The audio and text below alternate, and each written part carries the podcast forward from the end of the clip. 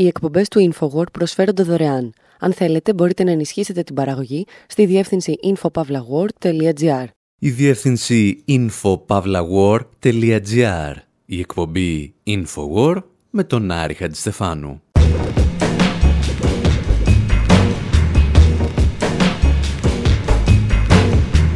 όπου σήμερα συζητάμε για ένα παιδί της Επανάστασης και τη μητέρα του, η οποία βγήκε από τη φυλακή στα τέλη Μαΐου, ύστερα από 20 και κάτι χρόνια. Εμπνεόμαστε από ένα κείμενο της Λαμπρινής Θωμάς στο Press Project για την Φουσάκο Σιγκενόμπου, τη γυναίκα που από κάποιους θεωρείται η μεγαλύτερη επαναστάτρια και για άλλους η μεγαλύτερη τρομοκράτησα στην ιστορία της Ιαπωνίας. Πηγαίνουμε λίγο πιο πίσω για να δούμε πώς η CIA συνεργαζόταν με την Γιακούζα, την Ιαπωνική μαφία, για να φέρει στην εξουσία έναν παιδεραστή.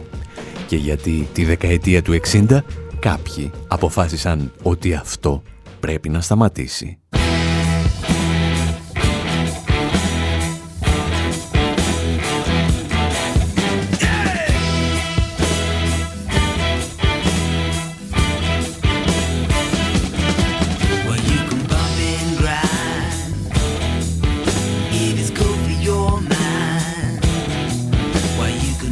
天下午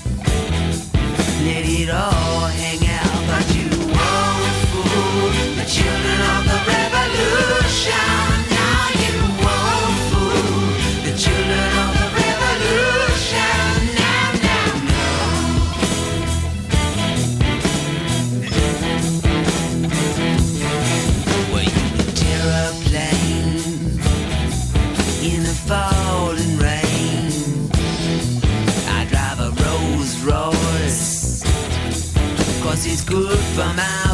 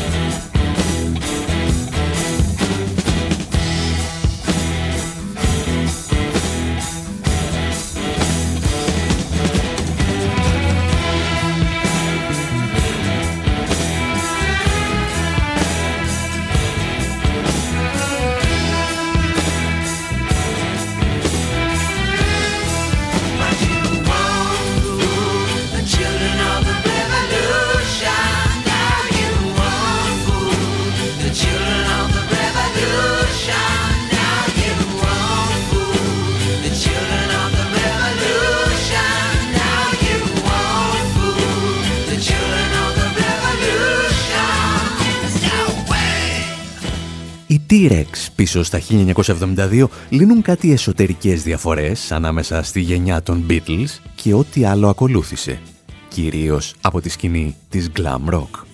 Για την ιστορία μάλιστα, ίσως να θέλετε να ξέρετε ότι στην πρώτη εκτέλεση του τραγουδιού στο πιάνο καθόταν ο Elton John και δεύτερος drummer ήταν ο Ringo Starr. Το τραγούδι καταλήγει με την βεβαιότητα ότι δεν μπορείς να κοροϊδέψεις τα παιδιά της Επανάστασης.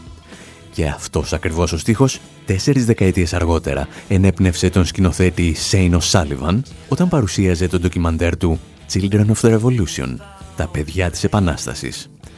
Το οποίο ντοκιμαντέρ, παρεπιπτόντος, μπορείτε να το βρείτε και στο YouTube. The Bader Meinhof gang have murdered, bombed and robbed their way to a place in German history. Frau Meinhof was joint leader of a terrorist group. Όπως πληροφορούμαστε ήδη από το τρέιλερ του ντοκιμαντέρ, οι δημοσιογράφοι ακολουθούν τις ζωές δύο παιδιών της Επανάστασης, της Μπετίνα και της Μέη. Η Μπετίνα Ρολ είναι η κόρη της Ουλρίκε Μάινχοφ, ηγετικού στελέχους της γερμανικής οργάνωσης Φράξια Κόκκινο Στρατός. Η Μέη Σιγκενόμπου είναι η κόρη της Φουσάκο Σιγκενόμπου, ηγετικού στελέχους της οργάνωσης Ιαπωνικός Κόκκινος Στρατός.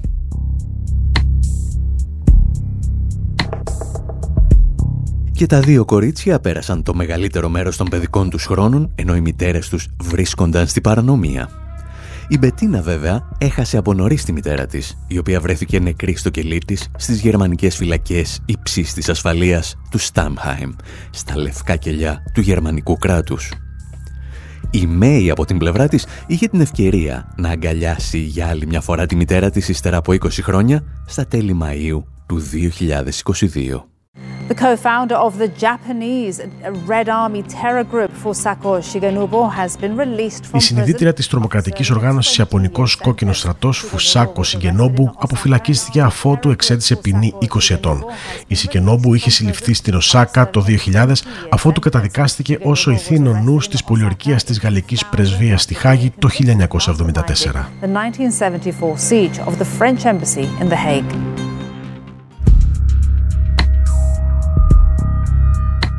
Η συναρπαστική ιστορία της Φουσάκο Σιγκενόμπου θα αρκούσε για να γεμίσουμε αρκετές εκπομπές.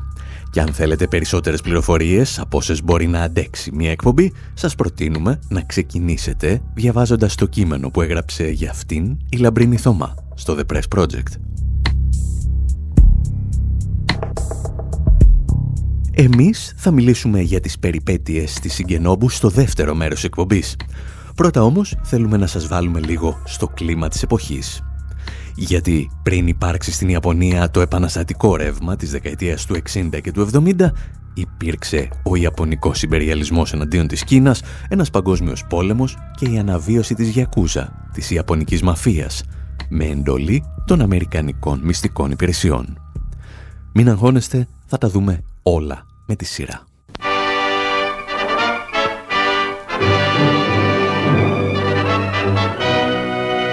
Battleship Missouri, 53,000-ton flagship of Admiral Halsey's Third Fleet, becomes the scene of an unforgettable ceremony, marking the complete and formal surrender of Japan.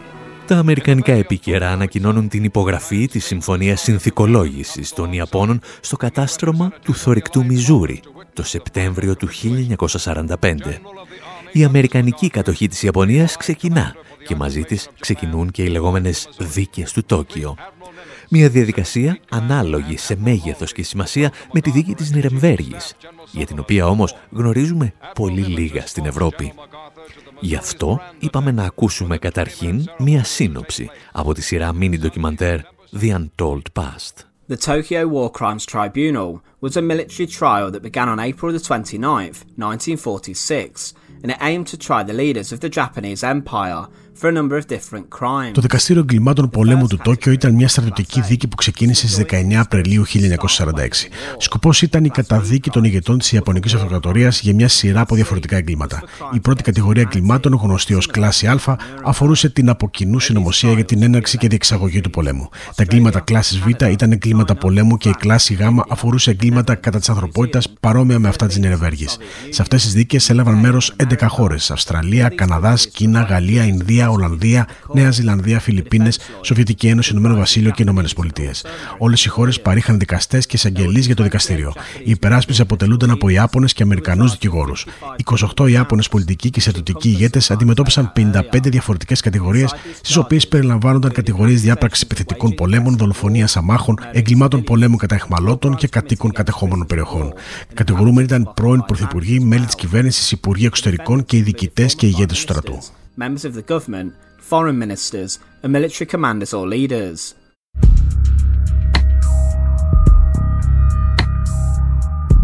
Για να κατανοήσω καλύτερα το κλίμα που επικρατούσε την εποχή της δίκης, επισκέφθηκα το Πανεπιστήμιο του Τόκιο, όπου με περίμενε ο καθηγητής πολιτικών επιστημών να κάνω κοίτσι. Και οι ιστορίες που μου διηγήθηκε αρχικά δεν τέριαζαν και τόσο με τα στερεότυπα που έχουμε για το ρόλο των Ηνωμένων Πολιτειών ως δυνάμεων κατοχής. Starting from the um, immediate post-war, 1945, when Japan surrendered, Ξεκινώντας αμέσως μετά τον πόλεμο το 1945, όταν η Ιαπωνία παραδόθηκε, αρχικά οι Αμερικανοί κατακτητές ενθάρρυναν τη δράση των συνδικάτων και τη δημιουργία εναλλακτικών πολιτικών κομμάτων. Και έτσι στα συνδικάτα των δασκάλων, στα εργατικά συνδικάτα γενικά, αλλά και στις ενώσεις των χωρικών, έβλεπε κανείς την εξάπλωση των εναλλακτικών πολιτικών δυνάμεων, οι οποίες προκαλούσαν αμφισβήτηση provided certain challenge.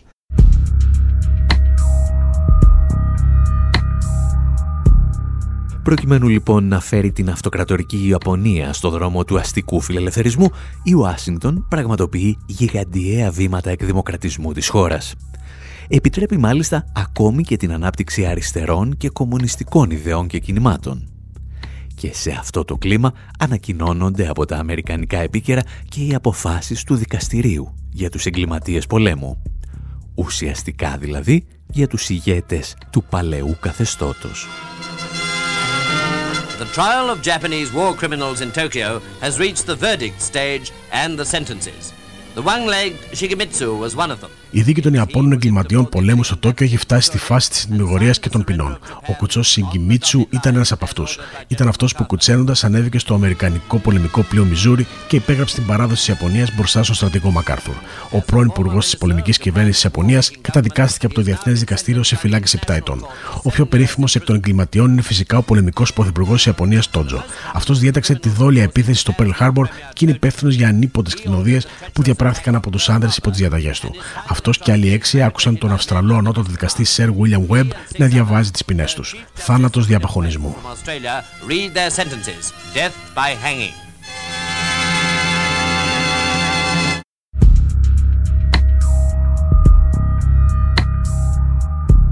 Το πρόβλημα στην ιστορία μας είναι ότι ύστερα από την ανακοίνωση των ποινών κάτι έσπασε στην καρδιά των Ηνωμένων Πολιτειών και του στρατηγού Μακάρθουρ και έτσι αποφάσισαν να αλλάξουν γραμμή πλεύσης. Θα τα συζητήσουμε ύστερα από αυτό.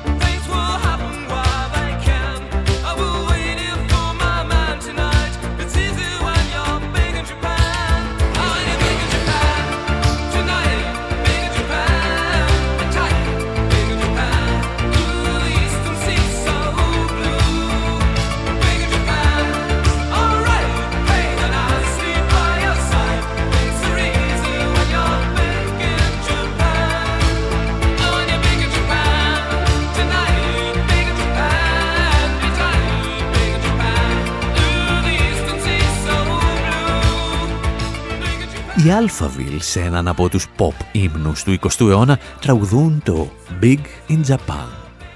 Και ενώ η στίχη είναι ερωτική, εμείς πιστεύουμε ότι εκφράζουν απόλυτα και τις σχέσεις της Ουάσιγκτον με το Τόκιο μετά το Δεύτερο Παγκόσμιο Πόλεμο. Ειδικά εκείνος ο στίχος που λέει «Ό,τι έγινε έγινε και τώρα όλα ανήκουν στην ιστορία». Γιατί εγώ δεν είχα ποτέ αυταπάτες ότι θα βρω μια λάμψη στο βλέμμα σου. Σας έχουμε αφήσει στη στιγμή που η Αμερικανική κατοχική διοίκηση της Ιαπωνίας επιβάλλει ένα πρόγραμμα εκδημοκρατισμού της χώρας. Από τη διαδικασία όμως, μέσα σε μερικούς μήνες θα ξεπηδήσουν αριστερά συνδικάτα και φοιτητικές ενώσεις που αμφισβητούν όχι μόνο την πάλε ποτέ αυτοκρατορική Ιαπωνία, αλλά και το σύγχρονο καπιταλισμό που θέλουν να επιβάλλουν οι Ηνωμένες Πολιτείες.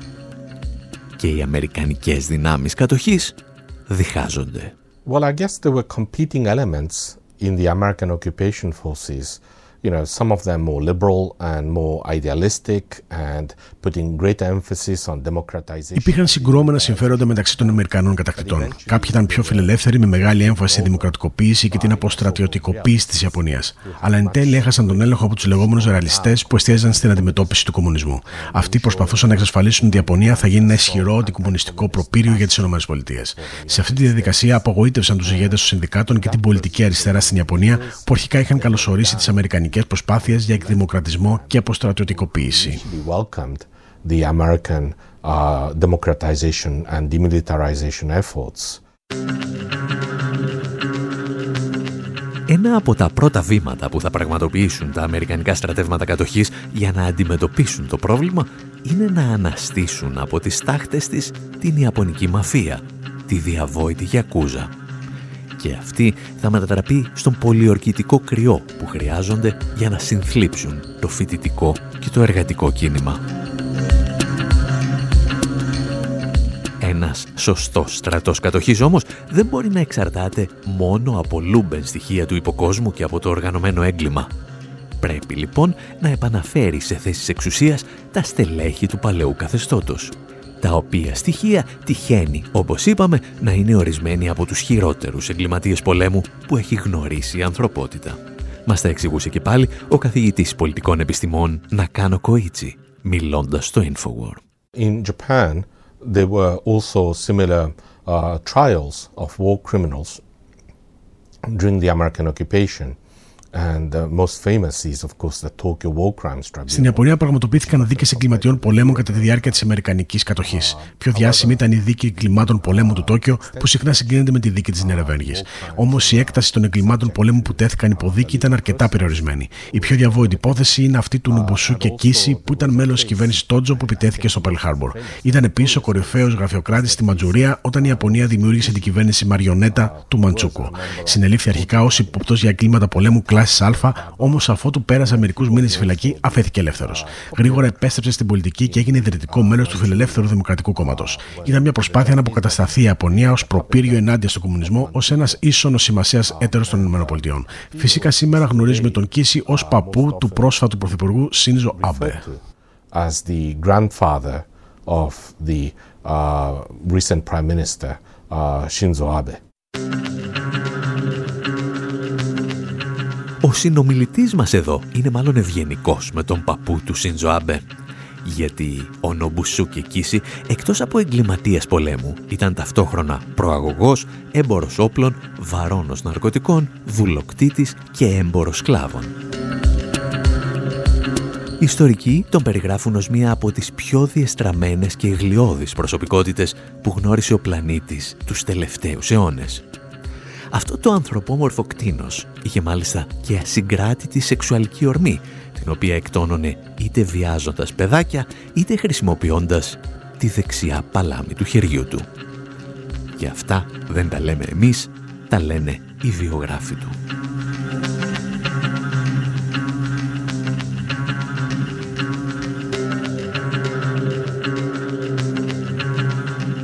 Η Ιαπωνία λοιπόν θα ανοικοδομηθεί από τις τάχτες του Δευτέρου Παγκοσμίου Πολέμου ανάμεσα σε αμερικανικές βάσεις, με την Γιακούζα σε θέση ισχύως και με τους μεγαλύτερους εγκληματίες πολέμου στην ηγεσία της χώρας. Σε αυτό όμως το μαύρο πολιτικό και κοινωνικό σκηνικό, η Ιαπωνική νεολαία αρχίζει να εξεγείρεται από τα μέσα της δεκαετίας του 60. Και κάπου εκεί ξεκινάει και η ιστορία της Φουσάκο Σιγκενόμπου, την οποία θα γνωρίσουμε στο δεύτερο μέρος της εκπομπής.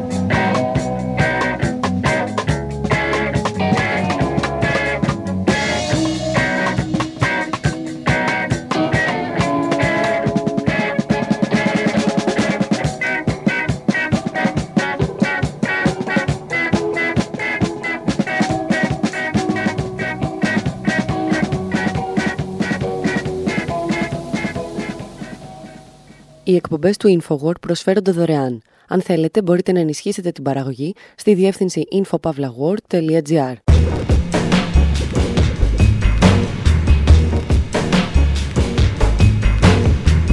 όπου σήμερα παρακολουθούμε τη ζωή της Φουσάκο Σιγκενόμπου, της κομμουνίστριας από την Ιαπωνία που απελευθερώθηκε στα τέλη Μαΐου, ύστερα από 20 και κάτι χρόνια στη φυλακή και 30 χρόνια στην παρανομία.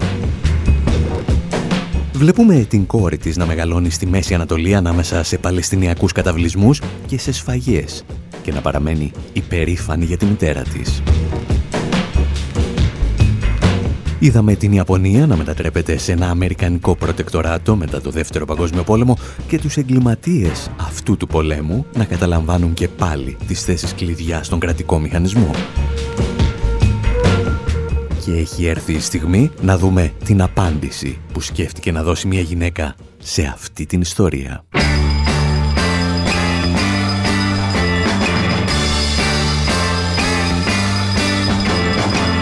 Il 7 heures du matin, faut se réveiller.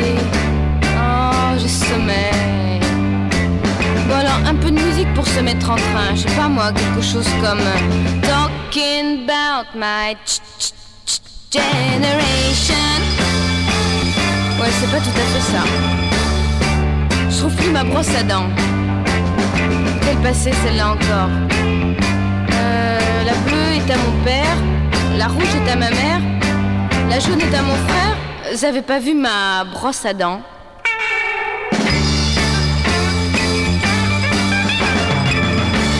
Tiens, on est lundi aujourd'hui. Ah, pour demain, j'ai un devoir d'anglais. Hmm, j'aimerais bien avoir Paul McCartney pour m'aider.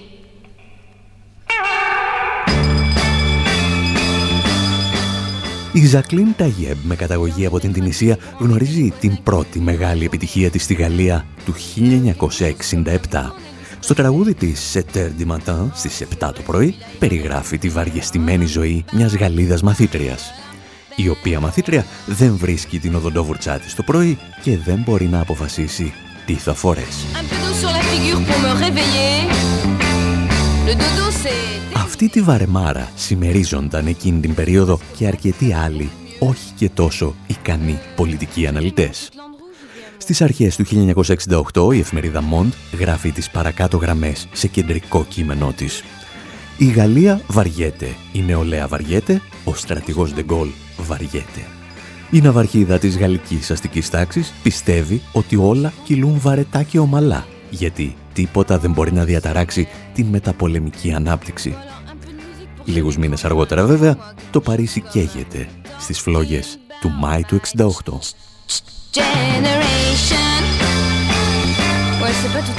Το ζήτημα που μας αφορά σήμερα είναι ότι παρόμοια αντιληπτική ανικανότητα είχαν και οι αναλυτές που μιλούσαν για το Τόκιο, την πολυπληθέστερη μητρόπολη του πλανήτη.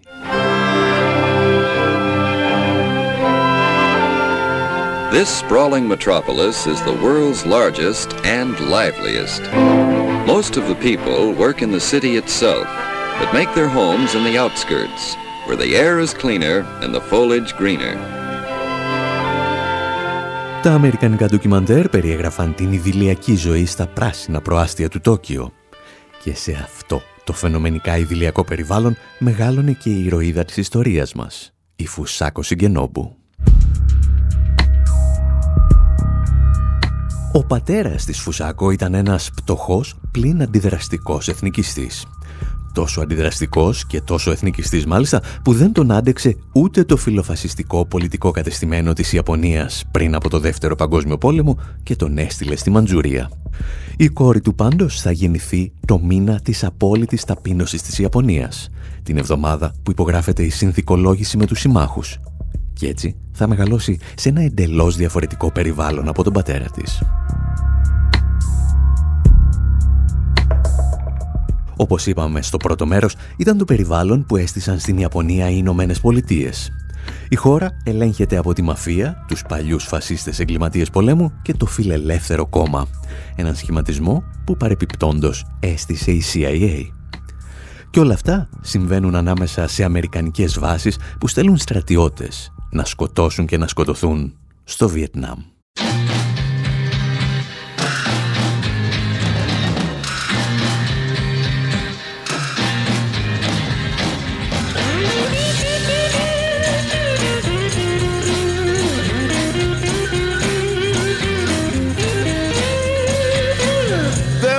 Some kind of way out of here. Said a joker to the thief. There's too much confusion. I can't get no relief. Businessman there, drink my wine. Plowman,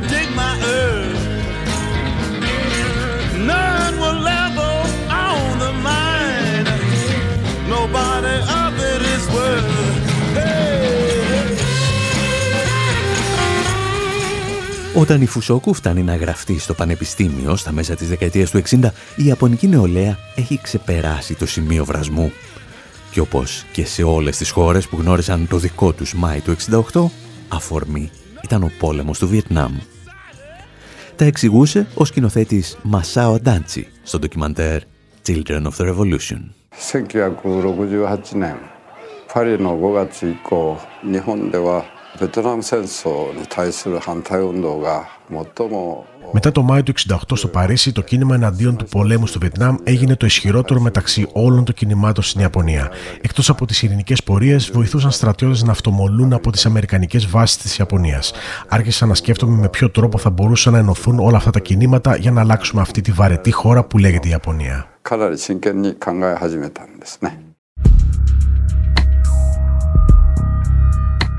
Καθώς ο Αντάτσι σκέφτεται ακόμα τι πρέπει να γίνει για να αλλάξει η Ιαπωνία, κάποιοι κινούνται ελαφρώς πιο επιθετικά. Όπως ο Τακάγια Σιόμι, ο βασικός ιδρυτής της επαναστατικής οργάνωσης Κόκκινο Στρατός.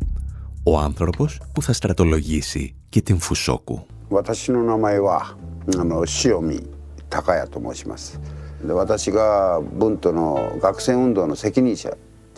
Ονομάζομαι Τακάγια Σιώμη. Ήμουν ένας από τους ηγέτες του φοιτητικού κινήματος. Γνώρισα για πρώτη φορά την κυρία Σιγκενόμπου γύρω στα 1966.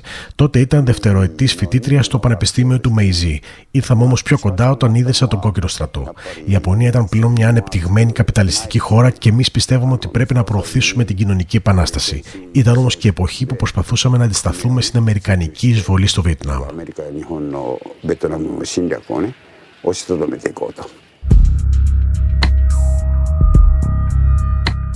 Η Σιγκενόμπου ριζοσπαστικοποιείται με τον Ιαπωνικό Μάη του 68.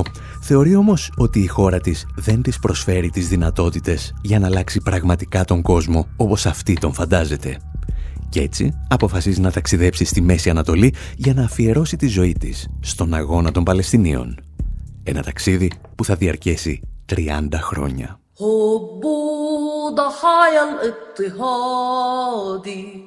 ضحايا جوع الاضطرار بركان فكر في افتقادي هذا آخر انفجار Το πρώτο της ταξίδι την φέρνει στο Λίβανο, όπου θα προσεγγίσει την οργάνωση Λαϊκό Μέτωπο για την Απελευθέρωση της Παλαιστίνης. Το έργο της είναι κυρίως ανθρωπιστικού χαρακτήρα. Παράλληλα όμως εκπαιδεύεται στην ένοπλη πάλη και αποτελεί το σύνδεσμο ανάμεσα στην οργάνωση και τους εθελοντές από όλο τον κόσμο που θέλουν να πολεμήσουν στο πλευρό των Παλαιστινίων. Οι διεθνείς ταξιαρχίες της Μέσης Ανατολής.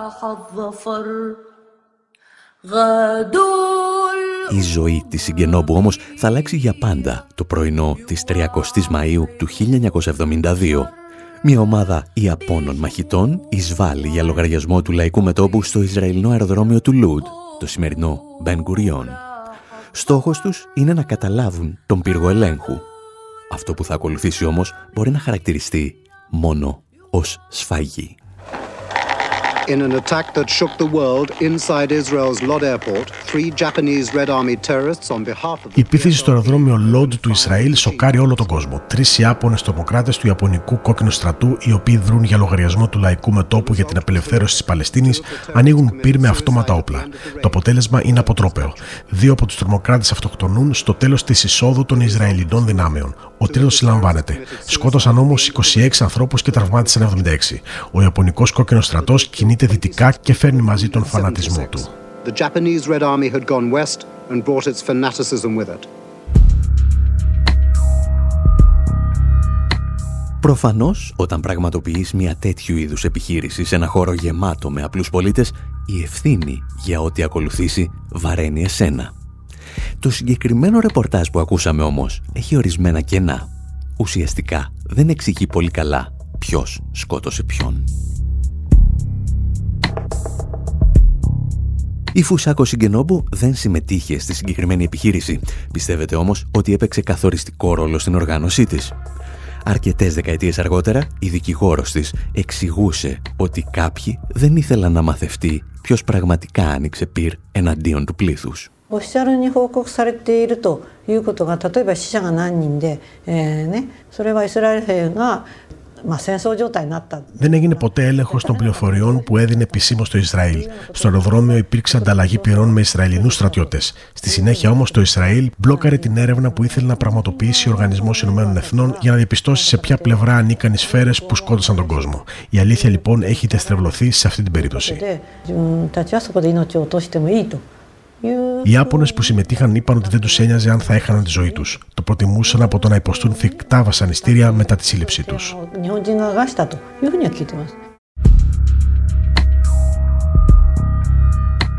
Η κόρη της Φουσάκο, όπως και η ίδια, έχουν καταδικάσει αυτή την επίθεση θεωρώντας ότι ήταν διαφορετικές οι ιστορικές συνθήκες. Όπως και πολλοί υποστηρικτές τους υποστηρίζουν όμως ότι οι Άπωνες που συμμετείχαν στην επίθεση δεν είχαν πρόθεση να σκοτώσουν κανέναν και παραμένει άγνωστο αν τελικά σκότωσαν κάποιον. It has always been their main target not to harm civilians. So το βασικό μέλημά τους ήταν πάντα να μην χτυπήσουν αμάχους. Οπότε σε πολλές περιπτώσεις έπρεπε να αυτοκτονήσουν ώστε οι άμαχοι τους οποίους είχαν για ομήρου να μην πάθουν τίποτα. Είναι πολύ διαφορετικό από ό,τι ακούμε στα μέσα ενημέρωσης ή από ό,τι συμβαίνει σήμερα με οργανώσεις όπως η Al-Qaeda. Αυτές έχουν ως στόχο να βλάψουν όσο γίνεται περισσότερους ανθρώπους. Στην περίπτωση του Ιαπωνικού κόκκινου στρατού, κύριος στόχος ήταν να τραβήξουν όσο γίνεται περισσότερο την προσοχή των μέσων ενημέρωσης.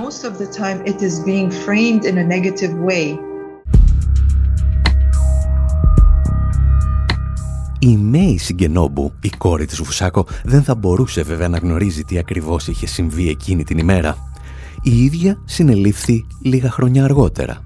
Και όταν λέμε συνελήφθη, εννοούμε από τη μητέρα της.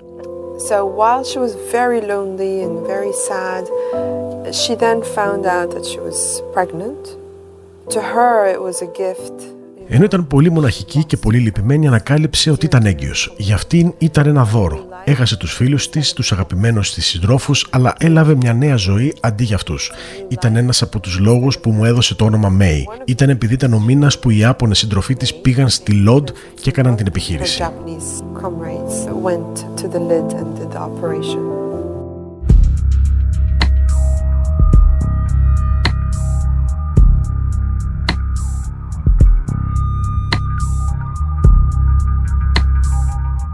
Όταν γεννιέται η Μέη, η μητέρα της αποτελεί πλέον έναν από τους βασικότερους στόχους των Ισραηλινών μυστικών υπηρεσιών που την θέλουν νεκρή ή ζωντανή.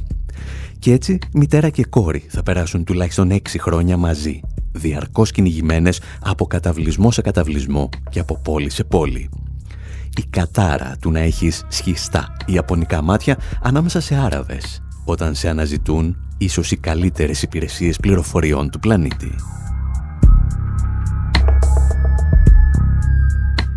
Παρ' όλα αυτά, η Μέη Σιγκενόμπου δεν παραπονέθηκε ποτέ για τα παιδικά της χρόνια, τα οποία έζησε στην παρανομία ως ανιθαγενής.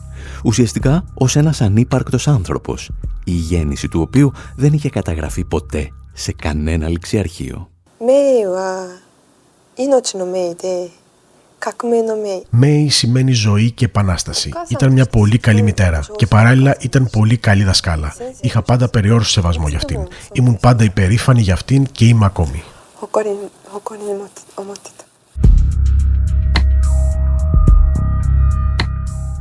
Η Φουσάκο γνώριζε ότι κάποια στιγμή θα έπρεπε να αποχωριστεί την κόρη της. Το βασικότερο της πρόβλημα ξεκινούσε από μια άλλη επιχείρηση που πραγματοποίησε ο Ιαπωνικός Κόκκινος Στρατός αυτή τη φορά καταλαμβάνοντας την πρεσβεία της Γαλλίας στη Χάγη το 1974.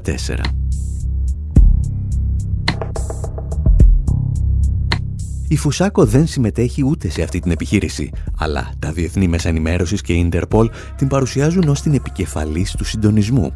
Γεγονός που θα την αναγκάσει να περάσει 25 χρόνια στην παρανομία και άλλα 21 στη φυλακή. Όταν πλέον συλλαμβάνεται στην Ιαπωνία και οδηγείται στο δικαστήριο, οι κατήγοροι της δεν έχουν κανένα στοιχείο που να τη συνδέει με την επιχείρηση στη γαλλική πρεσβεία. Οι μάρτυρες επίσης καταθέτουν ότι δεν συνδέεται με την επιχείρηση και ανάμεσά τους έχει έρθει να καταθέσει η θρηλυκή φιγούρα του Παλαιστινιακού αγώνα Λέιλα Χαλέντ. I went to her trial. I told them at that time she was pregnant and Πήγα στη δίκη της. Τους εξήγησα ότι εκείνη την περίοδο ήταν έγκυος. Δεν επιτρεπόταν σε καμία γυναίκα να συμμετέχει σε σεπτοτικέ δράσεις. Και ύστερα ρώτησαν τους δικαστές της, γιατί τη βάζετε φυλακή; Μου απάντησαν ότι είχε γελιοποιήσει το Ιαπωνικό έθνος. Κάνουν πολύ μεγάλο λάθος. Αυτό που τη έκαναν είναι βάναυσο. They are mistaken, really they are mistaken. I felt it's brutal. Το πρώτο πράγμα που θα κάνει η Φουσάκο μόλις μπει στη φυλακή είναι να γράψει ένα βιβλίο για την κόρη της. Είναι ο μοναδικός τρόπος να επιβεβαιώσει ότι αυτό το παιδί που μεγαλώνει με φίλους και συναγωνιστές στο Λίβανο είναι δικό της και έτσι να μπορεί να αποκτήσει την Ιαπωνική ηθαγένεια. Μόλις κυκλοφορεί το βιβλίο όμως, η Μέη γίνεται και πάλι στόχος των Ισραηλινών μυστικών υπηρεσιών και αποφασίζει να γυρίσει στην Ιαπωνία.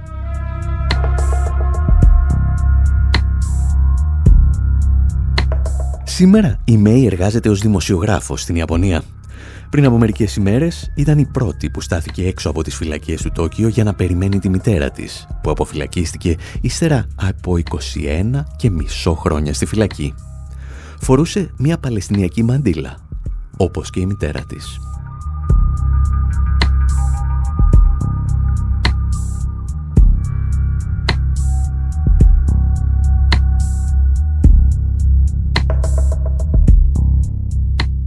Κάπου εδώ όμως, εμείς θα σας αφήσουμε και για αυτή την εβδομάδα. Αν σας αρέσουν αυτές οι ιστορίες θα βρείτε πολλές, σαν και αυτές, στη σελίδα μας info.pavlawar.gr Και αν σας αρέσουν πολύ, μπορείτε να ενισχύσετε και την παραγωγή τους. Μέχρι την επόμενη εβδομάδα πάντως, από τον Άρχα της Στεφάνου στο μικρόφωνο, τον Ανδρέα Κοσιάρη στις μεταφράσεις και τον Δημήτρη Σταθόπουλο στην Γενική Τεχνική Επιμέλεια, γεια σας και χαρά σας.